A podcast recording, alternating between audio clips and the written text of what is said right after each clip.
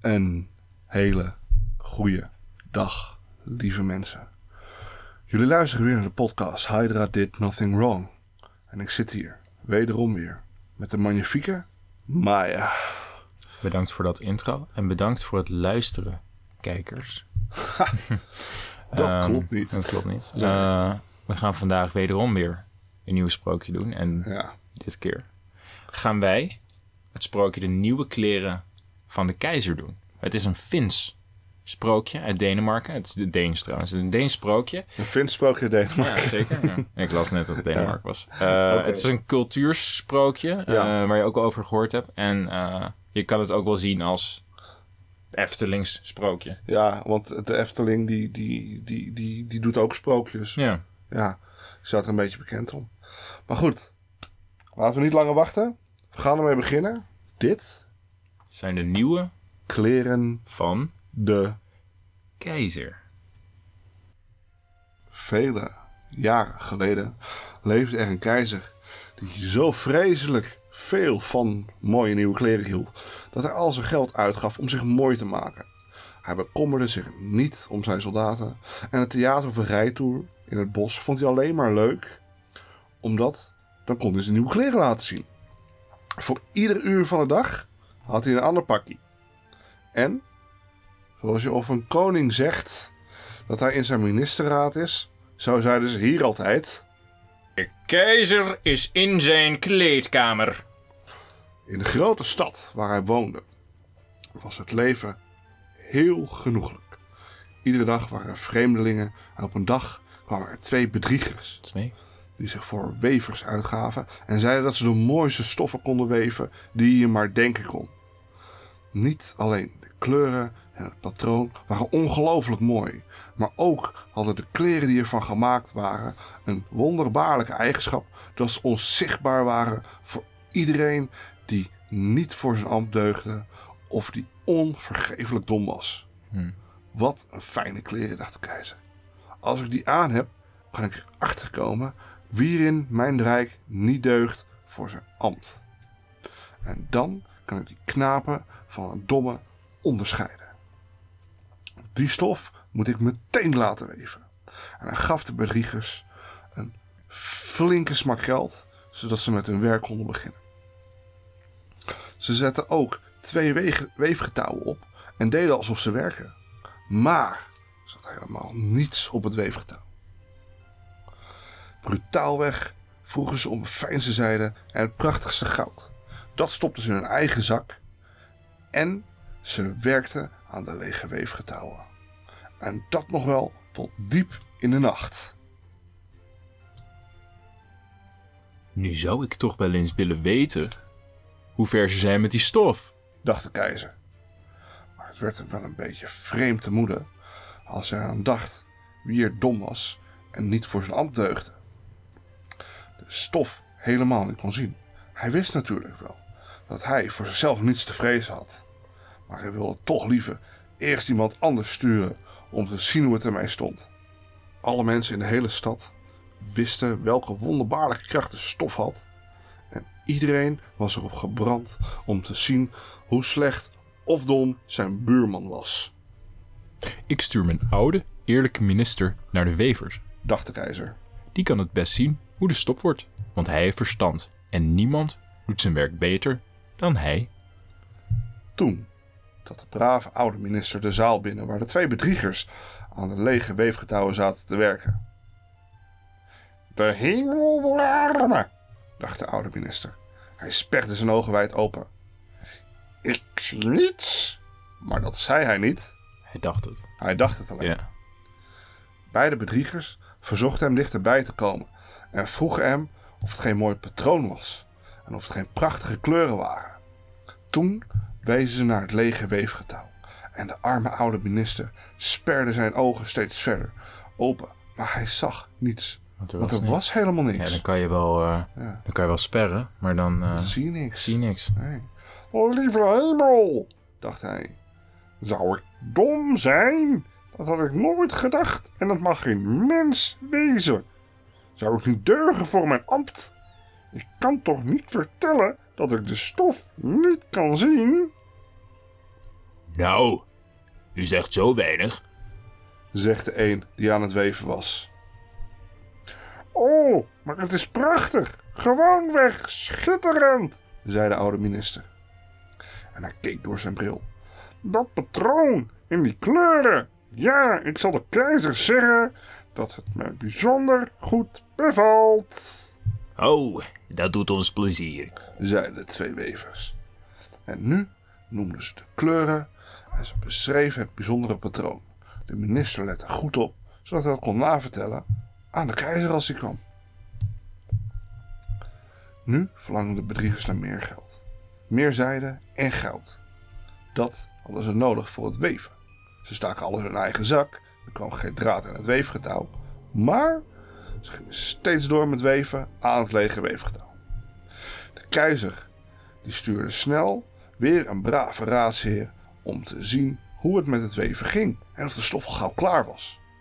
Het verging hem net als de eerste minister. Hij keek en keek, maar hij zag niets anders dan lege weefgetouwen. Hé, hey, eh, raadsheer, is dit geen prachtig stuk stof? vroegen de bedriegers. Ze vertelden over het prachtige patroon, dat helemaal niet was. Hé, hey, dom ben ik niet. Dacht de man, Zou ik dan niet teugen voor mijn goede ambt? Dat is toch gek? Maar eh, ja, die mooie kleuren. Ik doe gewoon maar alsof ik de, Ja, ik weet het niet. Ik weet het gewoon niet.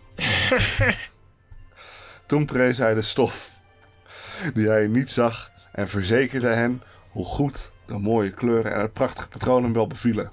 Hé, hey, ik weet dat dit misschien al eerder is gezegd. Maar het is gewoonweg schitterend. zei hij tegen de keizer.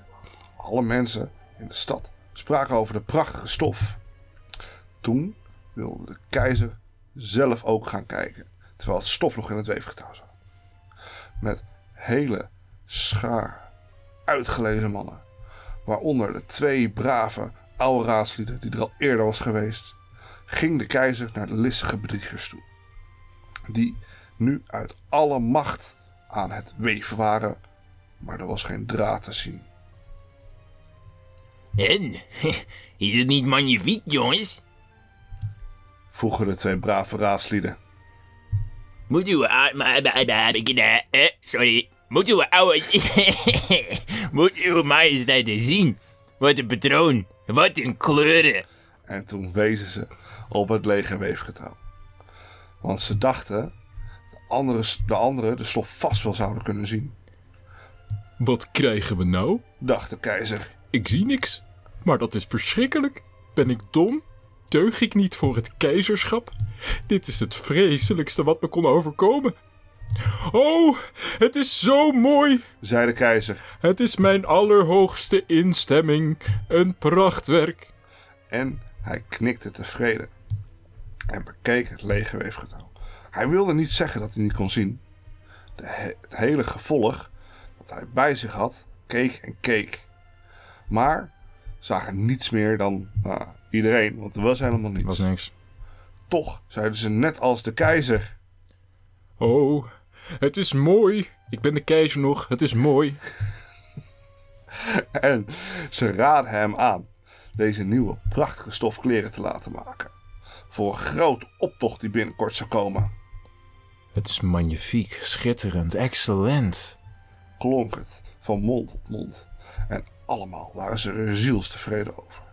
De keizer gaf ieder van de bedriegers een ridderorde in hun knoopsgat en de titel van weefjonker. En dit is de, eh, eigenlijk de beste scam van heel Denemarken, denk ik. Dit is de beste scam Zo. die ooit in Denemarken Ja. heeft plaatsgevonden. Ja. Een hele nacht voor de ochtend waarop de optocht plaats zou vinden, bleven de bedriegers op en ze hadden 16 kaarsen aan. De mensen konden zien dat ze het druk hadden om de nieuwe kleren van de keizer af te krijgen. Ze deden alsof ze stof uit het weefgetouw haalden. Ze knipten met grote scharen in de lucht. Ze, na ze naaiden met naalden, zonder draad en zeiden tenslotte... Kijk, kijk dan. Nu zijn de kleren klaar. De keizer kwam zelf naar ze toe met zijn voornaamste hoflingen. En de twee bedriegers hielden een arm omhoog alsof ze iets vasthielden en zeiden: Kijk, dit is de broek. eh, dit is de jas. En hier heb je de, ja, het belangrijkste deel eigenlijk. De mantel. en eh, ja, het is zo licht als spinrag. Je zou denken dat je niks aan hebt. Maar eh, dat is juist het mooie ervan. Je, het voelt als niks, maar het is alles. ja. Ja, ja. Zeiden alle hoften. maar ze zagen niets, want er was niets. Zou het eh, uw keizerlijke majesteit de allergenadigst behagen eh, uw kleren uit te doen? De bedriegers. Zullen we, dan zullen we nieuwe kleren lekker aan gaan trekken. En hier, kijk, hier is een grote spiegel.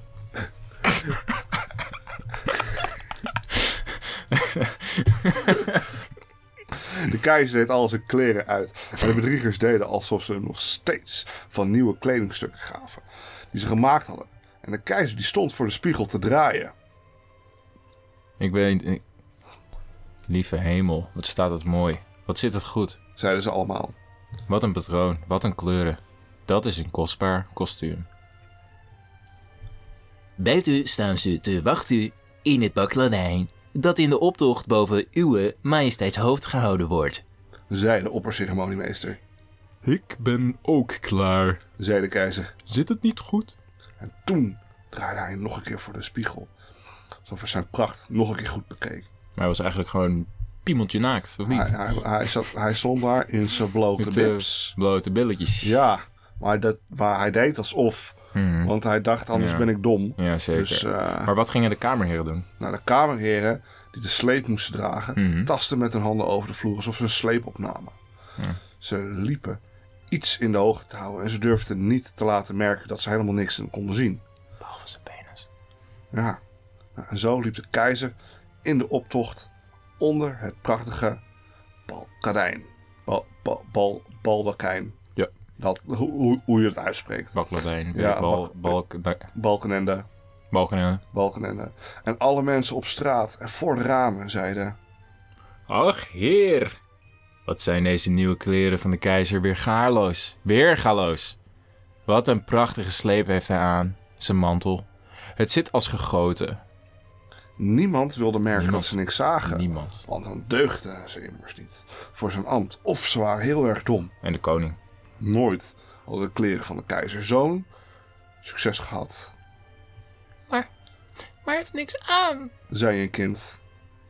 Ach, heer. De waarheid moet je van een kind horen.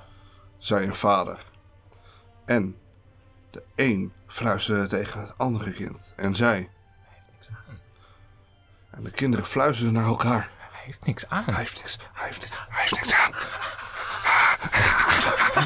Hij is in zijn blote bips. Hij heeft geen kleren. Hij heeft geen kleren aan. En uiteindelijk riep het hele volk. Hij heeft niks aan. Hij heeft helemaal niks aan. Hij heeft niks aan.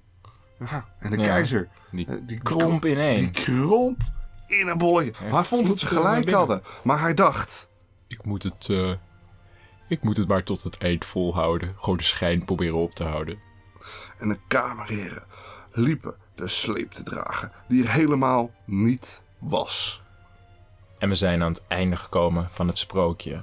Ja. Eh, en dit keer gaan we even iets anders doen. Eh, we gaan zo meteen bespreken hoe, eh, hoe die was, maar we gaan ook een toelichting doen. Een toelichting? Jazeker. Een toelichting. Ehm, het sprookje is namelijk geschreven door Hendrika. Nou, ik weet niet zijn voornaam eigenlijk, maar hij heet H.C. eh, Andersen. Hans Christian Andersen heet hij, geloof ik. Oh ja, Hansie. Ja. Uh, Hansie Christina. Ja. Hansie Christina, dat is weer eens wel anders. Ja. Oké, ja, ik snap hem. Ja? Dat was, ja, Ja? dat was een goeie. Ja, dat was, dat was grappig, hè? Ja. ik, ik, ben, ik ben een comedy genie, ik weet Zeker. het. Nou, ik- dit sprookje heeft eh, eigenlijk twee versies eh, van het verhaal gemaakt. En in de laatste versie, eh, het is eigenlijk vanuit het Deens vertaald natuurlijk, eindigt het verhaal met de opmerking van de kleine jongen dat de keizer dus geen kleren aan heeft. Wat we dus net hebben voorgelezen. En het volk neemt dit ook over en dan, eh, ja, dan denkt de keizer van shit, shit happens. Maar hij loopt gewoon onverstoord door. En in de eerdere versie gaat iedereen mee in de bewondering van zijn prachtige kleren. Dus dan denken ze eigenlijk gewoon van wow, hij heeft we zijn nog steeds in die schijn, in die waan. En ze kunnen nog steeds eigenlijk niet eh, toegeven dat ze helemaal niks zien. Ja. Dus ja. Want anders moet iedereen dus erkennen dat ze als laag geboren zijn en dom is. Ja, dat ze, dat ze sukkels zijn. En Ja. het, eh, het motief is eigenlijk eh, dat onzichtbare schoonheid alleen zichtbaar is voor bijzondere mensen. Ja. Ja, want het is natuurlijk, het, het is natuurlijk wel een onzichtbaar mooi eh, pakje dat hij aan had. En je moest wel heel slim zijn om dat te kunnen zien.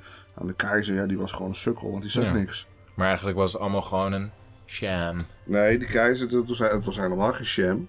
Misschien was het helemaal geen sham. Ja. Misschien waren die twee eigenlijk gewoon zo magnifiek. Ja.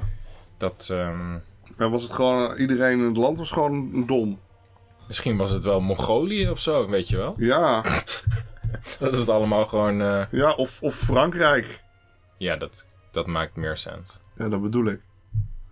Dus, Maar eh, goed, dus, dus dat, is- dat, dat is eventjes de toelichting, want we snappen dat het heel ver, eh, verwarrend ver- kan zijn. verwarrend kan worden, dit verhaal. En, eh, nou ja, dus zo voor de toelichting. Maar Zeker. Maya, wat vond jij van dit mooie sprookje van vandaag? Ik vond het een wonderlijk verhaal. Het was niet zo magisch als alle andere sprookjes. Want eigenlijk zou dit dus iets kunnen zijn wat daadwerkelijk kan gebeuren. En ehm, er zit een, eh, een metafoor in eigenlijk. En eh, Een, een moraal in het verhaal. een moraal, ja. Een moraal in het verhaal. Het gaat gewoon over, over trends. En soms heb je echt belachelijke trends zoals eh, jumpstyle of zo. En iedereen gaat het doen. Ja, dat is wel cool. Dan denkt iedereen dat het cool is. Terwijl eigenlijk iedereen gewoon metaforisch naakt aan het lopen is. Maar jumpen, dat is iets anders dan in je blote bibs rondlopen, denk ik zo. Maar het ging meer om het idee van een trend. Dus laten we zeggen, eh, ik noem eens iets geks. Eh, ja, ik kan nu echt niks bedenken. Maar Zeg maar die, eh, die heroïne. dat is meer een druk. Dat is verslaving. Dat is niet een trend. Dat is niet cool. Dat is dom. Oh ja. Ja, Oh, fout. Shit. heroïne. Hero Cassis daarentegen. Hero Cassis, Ja, dat, dat, dat, dat is een trend. dat is een marketingstrategie. Wat uit kan... Ja, dat kan... Ja, dat kan omvloeien naar een trend eigenlijk. Fidget spinners. Faggot spinners inderdaad. Zo, Ja. zo. Dat is, dat is wel heel intens. Nou, dat is eh, precies hoe ik me erover voel ook. Oké, nou dan, weet, dan weten we gelijk jouw opinie van de, van de spinner. Maar Hè? Het, het, leidt, het hele verhaal leidt eigenlijk naar fidget spinners. Ja. Trends. Trends.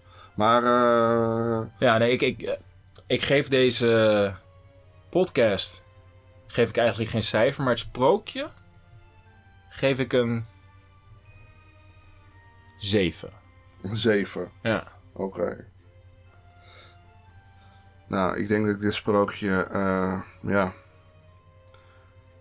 Ja, drie fidget spinners in een naaldpakje eh, geef. In een naaldhakje. Ja, in een naaldhakje. Ja, drie fidget spinners op een naaldhak. Nice. Ja. Oké. En eh, Bedankt voor het luisteren. be- be- be- be- be- bedankt voor het eh, kijken, lieve luisteraars. Tot, tot de volgende, keer. keer.